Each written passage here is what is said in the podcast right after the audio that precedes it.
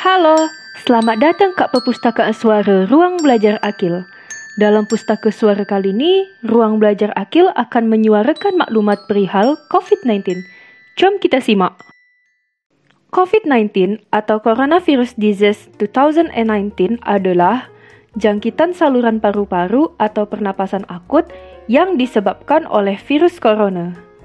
Virus ini menyebabkan orang yang dijangkiti mengalami demam, batuk, hidung berair, sakit tekak, sakit otot, sakit kepala, sesak nafas, dan malah kematian jika tak dirawat dengan segera.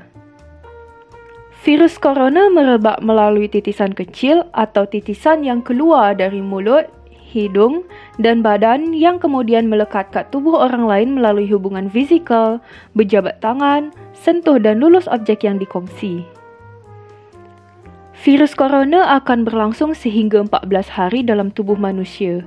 Oleh sebab tu, jika dijangkiti virus ni, seseorang mempunyai 14 hari untuk terus hidup dan menjalankan rawatan. Seseorang yang mengidap virus corona akan mengalami gejala termasuk Pertama, badan merasakan demam dengan suhu badan melebihi 38 derajah Celcius. Kedua, batuk dan hidung berair disertai dengan sakit tekak. Ketiga, sakit otot dan sakit kepala. Keempat, sukar bernafas. Di samping itu, seseorang boleh menunjukkan kontrak virus corona jika sebelumnya telah mengalami perkara-perkara berikut termasuk pernah menghubungi pesakit yang tercemar, telah mengembara ke negara-negara yang terjejas oleh virus corona, mempunyai hubungan dengan haiwan berjangkit seperti kalilawa, tikus buluh, unta, dan ferret di negara yang dijangkiti melewat atau bekerja di kemudahan kesehatan yang berkaitan dengan pesakit terkontaminasi virus corona dan telah mengembara atau tinggal di kawasan penyebaran virus corona di Indonesia. Kita dapat mencegah terjangkit virus corona ni pertama dengan setiasa cuci tangan secara rutin saat sebelum dan sesudah makan. Setelah keluar bilik mandi, sebelum menjamah makanan, sebelum menyusui bagi ibu yang sedang menyusui dan setelah beraktiviti di luar rumah. Kedua, menghindari berkumpul di keramaian.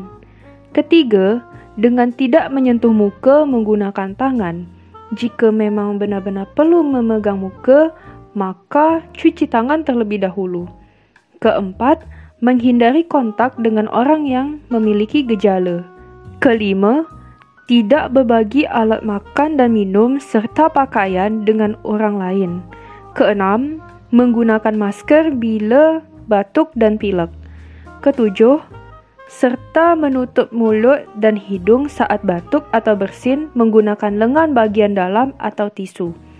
Delapan, menerapkan perilaku hidup bersih dan sehat. Kesembilan, meningkatkan kekebalan tubuh dengan makan makanan yang bergizi dan istirahat yang cukup.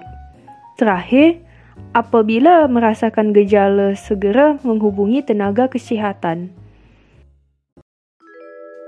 Maklumat ini disampaikan oleh Wimpi Gia Setrina Putri dan disunting oleh Cik Aziz Arif Anggara.